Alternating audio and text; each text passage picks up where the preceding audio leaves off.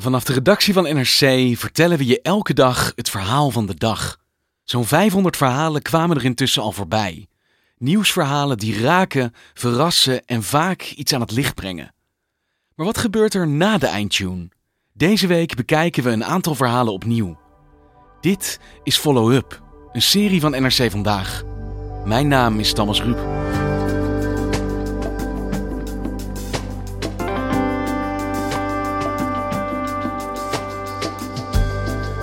Deze aflevering MeToo in de kunstwereld. Vorig jaar publiceerden onderzoeksjournalisten Carola Houtenkamer en Lucette ter Borg een onthullend verhaal over de jonge kunstenaar Julian Andeweg.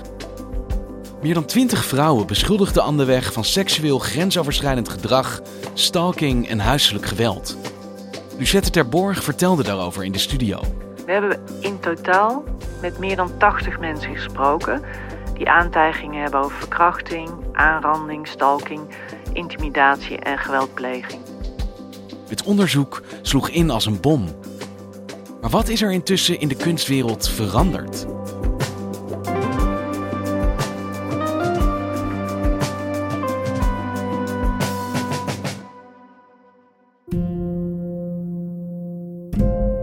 Carola, jij hebt afgelopen oktober samen met Lucette de Borg een onderzoeksartikel gepubliceerd over de kunstenaar Julian Andeweg. En dat heeft heel veel teweeggebracht. Kun jij nog eens vertellen wat dat precies was en hoe dat ontstond? Mijn collega Lucette, die kreeg op een gegeven moment een bericht van iemand en een, een vrouw. En die vrouw wilde praten. Nou, het was midden in de hittegolf afgelopen zomer. Op 20 juli kreeg ik een mail van een uh, vrouw die ik niet kende, een beeldend kunstenaar. En ze schreef: Ik heb een persoonlijke vraag. Iets wat ik liever bespreek in het echt of aan de telefoon. Het gaat over een mannelijke kunstenaar die de Harvey Weinstein van de Nederlandse kunstwereld is. En dat heeft Lucette gedaan. En die vrouw nam de tweede keer ook een, een andere vrouw mee. En wat zij eigenlijk vertelde in dat gesprek waren nou ja, een, eh, hele ernstige beschuldigingen aan het adres van een, een jonge opkomende kunstenaar, Julian Anderweg. En die waren heel ernstig en er waren ook veel beschuldigingen. En door, nou, dachten deze vrouwen ook uh, niet alleen door henzelf, maar ook door andere vrouwen en mannen. Al die beschuldigingen, die is in eerste instantie Lucette. Ik ben er later bijgekomen. Zijn die nagegaan, met heel veel mensen gaan praten. Proberen in kaart te brengen van wie is deze man? Wat, kan er gebeurd zijn? Uh, waar gaat dit over? En dan ging het over verkrachting, aanranding, stalking, huiselijk geweld. En nou, een heel, op het uur hadden we twintig mensen die hem daarvan uh, beschuldigden. En nou, daar hebben wij een onderzoeksverhaal over gemaakt. Dit was een patroon van geweld en seksueel misbruik. Ja, en dat ging echt al heel lang terug, van zijn uh, puberteit tot aan kort geleden tot dit uitkwam. En uh, dat waren veelvuldige uh, misstanden. We hebben het over een periode van 14 jaar.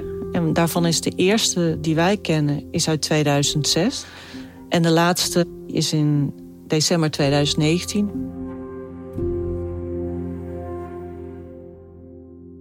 Waar is deze onthulling het hardst ingeslagen, denk je? Nou, wij hoorden van de KBK en van de Rijksacademie mensen die zeiden achteraf van het was gewoon een bom ontploft. En, en, het was oorlog. Woedende studenten, residenten die opheldering eisten. En eigenlijk kan ik wel zeggen dat de pleuris uitbrak na uh, dat stuk. Want op de KBK verschenen de, de Academie voor de Beeldende Kunst in Den Haag verschenen opeens allemaal posters aan de muren van studenten die zeggen: wat is het eigenlijk voor totaal onveilig klimaat waarin dit allemaal kon gebeuren? En er hingen, dat was ook wel een beetje naar, er hingen in viaducten in Amsterdam stond opeens Julian Anderweg is een verkrachter in een soort graffiti of met een soort posters. En uh, en er ontstond ook een, een Instagram-account. Nou, journalistiek dubieus, maar wel heel boeiend.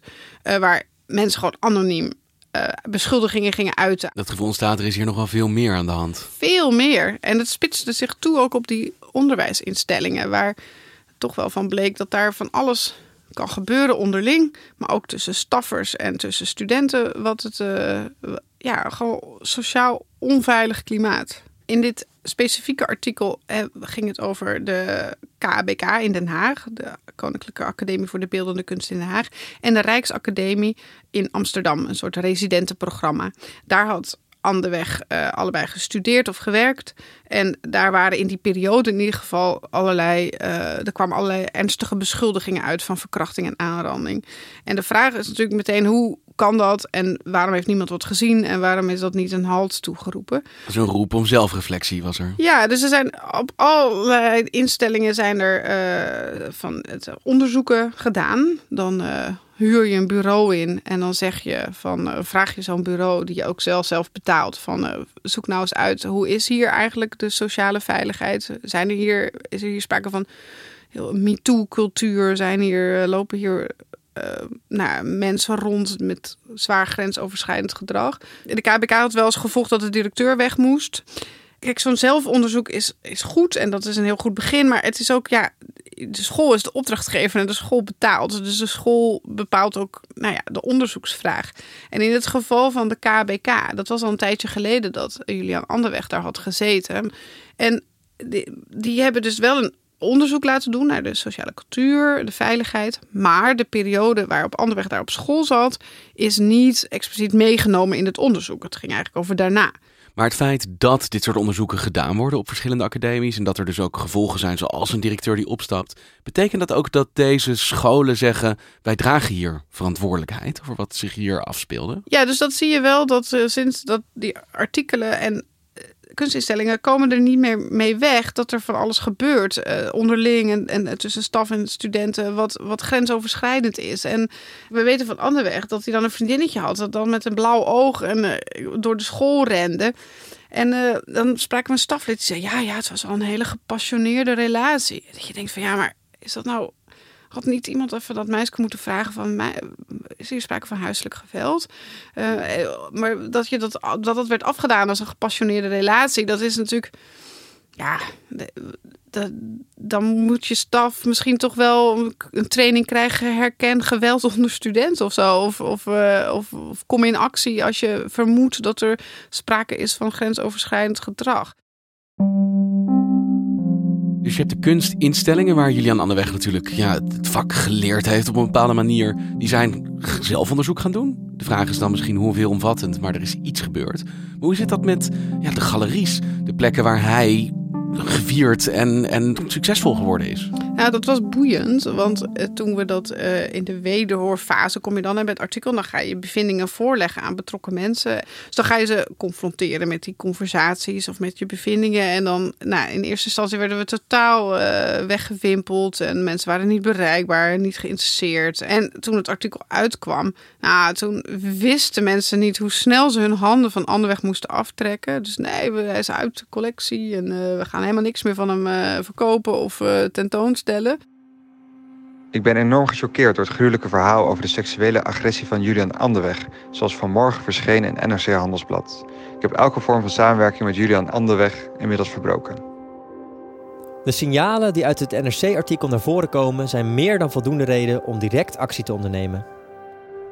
We hebben nooit weet gehad van de in het artikel genoemde feiten en distancieren ons nadrukkelijk van dergelijk gedrag. We leven mee met de slachtoffers en hopen dat in dit soort kwesties meer slachtoffers zich durven uitspreken. Maar dat was na publicatie. En uh, of toen echt duidelijk was wat de omvang was van de beschuldigingen. En daarvoor was het dan van ja, hij heeft een beetje slechte reputatie, een beetje bad boy. Maar uh, wat jullie nu allemaal zeggen, nou, nou, poepoe, het zal wel. En uh, nou ja, dus dat wegkijken en roddels accepteren en niet uit willen zoeken. Uh, dat patroon dat was heel duidelijk zichtbaar toen we gingen publiceren. Dat is dus iets wat kunstinstellingen, maar ook galeries en, en, en, en, uh, en culturele instellingen zichzelf denk ik af moeten vragen. Kijk, als er twintig beschuldigingen van verkrachting en aanranding en geweld komen, oké, dan is het wel duidelijk. Maar wat doe je met die, die, die tussenfase? Dat je de hele tijd hoort van ja, die gas moet je me uitkijken hoor. Dat is een rare, raar type. Ja, ik heb wel eens dit gehoord, ik heb wel eens dat gehoord. Maar wat ga je dan doen? Dat, ik, weet het antwoord ook niet meteen, maar, maar schuif je dat terzijde en denk je, nou ja, uh, loop wel los. Of ga je, toch, ga je toch ernstig nemen en mensen terugbellen en zeggen, wat is er dan gebeurd? En wat vind je eigenlijk dat we daarmee moeten? Want waarom lijkt het juist in die kunstwereld zo moeilijk voor mensen om daar adequaat op te reageren? Als zowel bij de galeries als bij de academies eigenlijk al heel lang deze verhalen rondgingen. Ja, en dus niet alleen over hem, maar dus ook over anderen. Um, nou, omdat ik denk dat in de kunstwereld is ook een. Daar is, ik probeer mijn woorden zorgvuldig te kiezen, maar normoverschrijding is op een bepaalde manier de norm. Dit zijn mensen die duwen tegen de gevestigde belangen en tegen de gevestigde normen. En daar hoort vaak ook een levensstijl bij, bij dat past. En er is misschien zelfs wel een verheerlijking van een wilde, licht ontspoorde levensstijl. Want dat zou dan bij groot kunstenaarschap horen. Nou, wat we zien is dat er een bepaald archetype bestaat in de kunstwereld. Um, van een soort bad boy. En iemand heeft, zo, heeft dan zo'n bad boy imago en dat wordt dan verheerlijkt. En deze, precies deze verheerlijking leidt ertoe dat mensen zich enerzijds niet negatief durven te uiten over deze persoon. En anderzijds geneigd zijn weg te kijken als iemand zich negatief over deze persoon uitlaat. We kwamen in contact met, uh, na publicatie van het artikel met Sylvia Cardini. Op dit moment werk ik als jurist bij een internationaal advocaatkantoor. En sinds oktober 2019 studeer ik tegelijkertijd vrije kunst aan de Kunstacademie in München in Duitsland. Zij is al wat ouder en ze kon daarop reflecteren op wat ze om zich heen uh, zag. En met de juridische achtergrond, dus ze kon met zijn vrij scherpe blik ook uh, zien wat, wat kon en niet kon. Toen ik dit artikel las van 30 oktober 2020, uh, toen vielen er voor mij een aantal dingen samen. Um, namelijk mijn strafrechtelijke achtergrond en mijn passie voor kunst. Dus toen heb ik er een lezing over gegeven aan de Kunstacademie in München. Twee keer zelfs. En er zijn daarna heel veel reacties op gekomen. Uh, zowel vanuit Duitsland als vanuit Nederland. Sindsdien ben ik betrokken bij meerdere initiatieven op dit gebied. En uh, komen er ook mensen naar me toe met, uh, met dingen die ze hebben meegemaakt. Het is echt alsof je een soort beerput hebt opengetrokken. En een van de dingen die zij constateert op die kunstinstellingen is, nou ja, eigenlijk het fenomeen dat docenten die lesgeven op kunstinstellingen, die hebben vaak helemaal geen didactische opleiding. Het volstaat gewoon om goede of bekende kunstenaar te zijn om dan een, eh, een docentenpositie te verwerven op zo'n instelling. En er wordt vaak geargumenteerd met ja, het valt onder kunstvrijheid. En hoe deze persoon zijn lessen invult, daar moet de samenleving niet aan tornen. Volgens mij gaat het strafrecht gewoon voor iedereen. Ook als die persoon door iedereen wordt verafgoot. En dan in combinatie met een uh, eigenlijk moordende concurrentie. Er worden maar heel weinig mensen goed kunstenaar. Dus onderling is er een keiharde strijd. En studenten proberen zich natuurlijk ook op te trekken dan aan docenten. Want die hebben dat netwerk, die hebben die status. Die hebben misschien de toegangsticket tot een succesvol kunstenaarleven.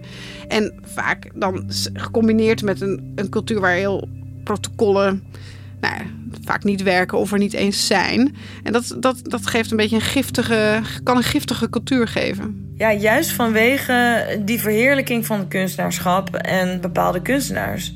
Mensen zijn gewoon bang om zich uit te spreken tegen bekende namen um, vanwege hun eigen kwetsbare positie. Sylvia Gardini die merkte ook uh, als ze zo'n lezing geeft, uh, dat is naar aanleiding van ons uh, artikel, dat er echt nog de reactie komt uit het publiek van ja, maar ja, hij is zo'n goede kunstenaar, daar moeten we dat toch een beetje, in zekere zin, dat toch een beetje tolereren. En dat dat haar echt verbijstert. Dan krijgen sommigen gewoon een soort, soort moment van cognitieve verstandsverbijstering. En die dan denken, nee, dat, dat kan niet. Want ja, hij is wel een ontzettend goede kunstenaar. Dus bij de kunstinstellingen en ook de opleidingen is wel een besef ingedaald. Misschien ook met enigszins een schok. Er moet hier wel iets veranderen. Maar ze zijn dan degene die hier het systeem gaan hervormen? Nou, dat is, dat is een interessante vraag. Want je ziet natuurlijk ook dat organisaties. Uh, nou, de reflex is vaak uh, zichzelf beschermen en dan weer uh, moedig voorwaarts. Dus eigenlijk, je verwacht ook, of dat hoop je, en dat zie je ook wel gebeuren, is dat uh, de veranderzin uh, bij de kunstenaar zelf vandaan komt. En wij zagen na de publicatie van ons artikel en ook de publicatie van andere artikelen, is dat, dat er een. Uh, er zijn een soort art fairs zijn er georganiseerd door op de KBK en ook op de Rijksacademie, waarvan de opbrengsten gaan naar slachtoffers van, van seksueel geweld. En ook zijn er organisaties en organisatie Engagement Arts, wat dit bespreekbaar wil maken en dit aan de kaak wil stellen. En uh, Sylvia Gardini is ook betrokken bij Engagement Arts. Engagement Arts Netherlands is een kunstenaarsinitiatief dat seksuele intimidatie, seksisme en machtsmisbruik in de Nederlandse kunstwereld aan de kaak stelt. Onze drie hoofddoelen zijn educatie of voorlichting, uh, belangbehartiging en awareness. Dat vind ik heel hoopgevend, want dat is natuurlijk waar het uiteindelijk moet gebeuren. Gewoon op de werkvloer, om zo maar te zeggen. Wat we willen is het onderwerp bespreekbaar maken. Um, we willen mensen ervan bewust maken dat dit een structureel probleem is, van een waanzinnige omvang. En structurele problemen vragen om structurele oplossingen. Dus in die zin hopen we ook bij te dragen aan bewustwording van seksueel geweld. En niet alleen in de beeldende kunsten, maar ook op andere gebieden, zoals podiumkunst. Denk aan dans, muziekindustrie en televisie. Je kunt protocollen hebben en je kunt uh, vertrouwenscommissies hebben. En dat is allemaal goed en belangrijk. Maar wat je wil is een cultuur waarin mensen onderling tegen elkaar zeggen: ik, ik zie dat je dit doet. Ik accepteer het niet. En dat je bekend bent en gaaf, dat, uh, dat, dat staat daar los van. Ik vind dat heel tof. En jullie zien dus nu wat voor een gigantische gevolgen eigenlijk één onthulling kan hebben voor een hele sector. Maar dat begon natuurlijk met allerlei mensen die naar jullie toestapten om een verhaal te doen. Hoe kijken zij naar wat er sindsdien allemaal gebeurd is? Nou, zij zijn de echte helden, want zij hebben de moed gehad om een verhaal aan ons te vertellen. En wij hebben hen geanonimiseerd voor de buitenwereld. Maar de betrokken mensen en anderweg weten natuurlijk wel heel erg goed over wie het gaat. Ze hebben angst gehad voor represailles. En zij hebben zichzelf weer geconfronteerd met al hun herinneringen. Nee, dat, ik bewonder dat echt enorm. En zij zijn heel blij met uh, de gevolgen. En dat het eindelijk een, uh, een gespreksonderwerp is. En uh, dit is waarvoor ze het doen. En voor die mensen is het dus toch ook belangrijk dat journalisten naar verhalen luisteren, omdat je ook ziet wat het teweeg kan brengen. Ja, en dat zeker. Maar dat is tegelijkertijd ook het pijnlijke. We hebben na publicatie echt heel veel nieuwe verhalen gekregen van vrouwen en ook mannen die ook ernstige dingen hebben, zegt, hebben meegemaakt, ernstige beschuldigingen hadden, die totaal betrouwbare verhalen die je, die je zo uit zou kunnen zoeken. En we hebben het ook tegen een heel aantal mensen moeten zeggen van wij, wij kunnen dit nu niet doen, omdat, nou ja, om allerlei journalistieke redenen, van dat het moet staan voor iets groters, dat we graag de cultuur erachter willen beschrijven, dat je ook het falen van het OM of de politie in deze wil benoemen als daar sprake van is. En met hen het gesprek aan moet gaan van ja, waarom gaan we wel met dat verhaal aan de gang en niet met jouw verhaal? Maar dat is ook een rotboodschap. En ik vond het moeilijke, pijnlijke gesprekken waar ik vaak heb benadrukt van het is niet dat jullie niet geloven. En het is ook niet dat we het niet belangrijk vinden. Maar dit heeft ook te maken met een taakopvatting als krant.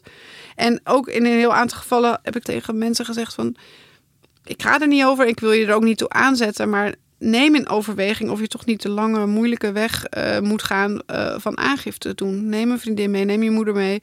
Ga toch naar het politiebureau. Het, hè, het is een lang en moeizaam proces aangifte doen. Uh, maar als je echt meent dat je echt in je grenzen bent aangetast, ehm, dan, dan is dat toch eigenlijk de geëikte weg die we in deze maatschappij hebben afgesproken. Het feit dat je dus zoveel nieuwe verzoeken en vragen en reacties krijgt, laat wel zien dat er nog een hele hoop speelt wat we nog niet weten. Echt heel veel. En dat is iets wat de instellingen en de sector zelf moet oppakken. De MeToo-beweging die was al op gang gekomen. En uh, dit artikel heeft het alleen nog maar een verdere impuls gegeven. Nou, ik ben ervan overtuigd dat er geen weg terug is. Er is nog zoveel onuitgesproken leed, wat nu eindelijk een beetje uh, naar buiten kan komen.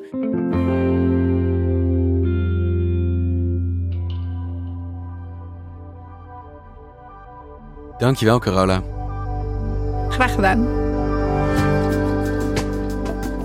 De reacties van verschillende organisaties in deze aflevering zijn ingesproken door stemacteurs. Dit was Follow Up, een serie van NRC Vandaag. Deze aflevering is gemaakt door Misha Melita en JP Geersing. Morgen hoor je in Follow Up over de situatie in Wit-Rusland. Nadat de protesten vorige zomer keihard werden neergeslagen, werd het stil. Hoe staat het er nu voor? Is er nog hoop?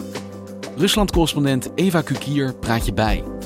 Dat je een journalist op zo'n spectaculaire, absurde wijze uit een gekaapt vliegtuig sleept en in de gevangenis gooit. Ja, dat laat wel zien uh, dat Lukashenko contact met de realiteit enigszins kwijt is.